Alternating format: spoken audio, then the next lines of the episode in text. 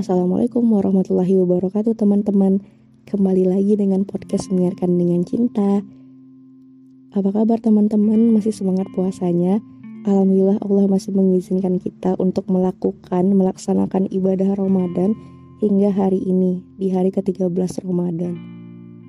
Ngomong-ngomong tentang Ramadan, Ramadan itu adalah bulan yang paling istimewa di antara bulan-bulan yang lainnya. Pasti teman-teman semua setuju. Kenapa? Karena di bulan Ramadan itu ibadah yang kita lakukan itu akan dilipat gandakan pahalanya dan bulan Ramadan itu adalah bulan pengampunan yang mana ketika kita ikhlas melaksanakan ibadah di bulan Ramadan ini maka insya Allah akan Allah ampuni dosa-dosa kita di masa lalu. Amin ya Rabbal Alamin. Seperti kita yang sesemangat itu melaksanakan ibadah di bulan Ramadan, seperti itu pula saudara seiman kita di Palestina, teman-teman. Mereka juga semangat untuk melaksanakan ibadah berjamaah. Mereka melakukan sholat tarawih berjamaah, witir berjamaah.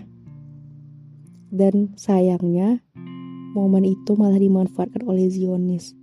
Ketika saudara seiman kita di Palestina itu melakukan ibadah berjamaah, berarti mereka berkumpul. Nah, karena mereka berkumpul itu, Zionis ini secara membabi buta menembaki saudara-saudara seiman kita yang sedang beribadah kepada Allah. Zionis yang maha nazi itu menembaki saudara-saudara seiman kita. Zionis-Zionis itu memperlakukan saudara seiman kita tidak seperti manusia. Jika di negara kita sibuk membicarakan tentang hak asasi manusia, bahkan Zionis ini tidak memiliki perkemanusiaan ketika menembaki saudara-saudara seiman kita di sana.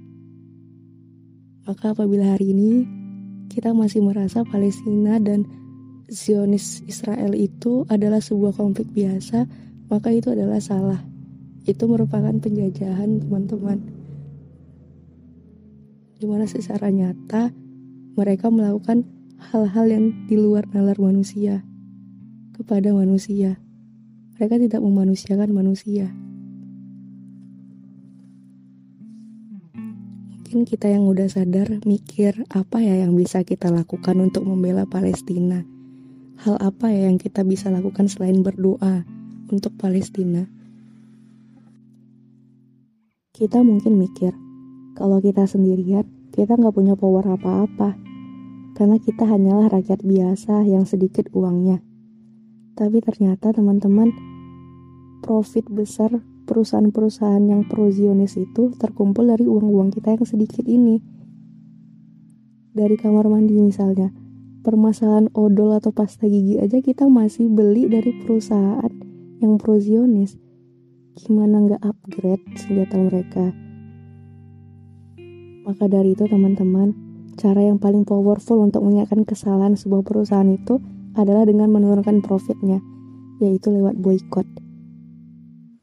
Gak ada guna kalau misalnya kita teriak-teriak bela Palestina, peduli Palestina.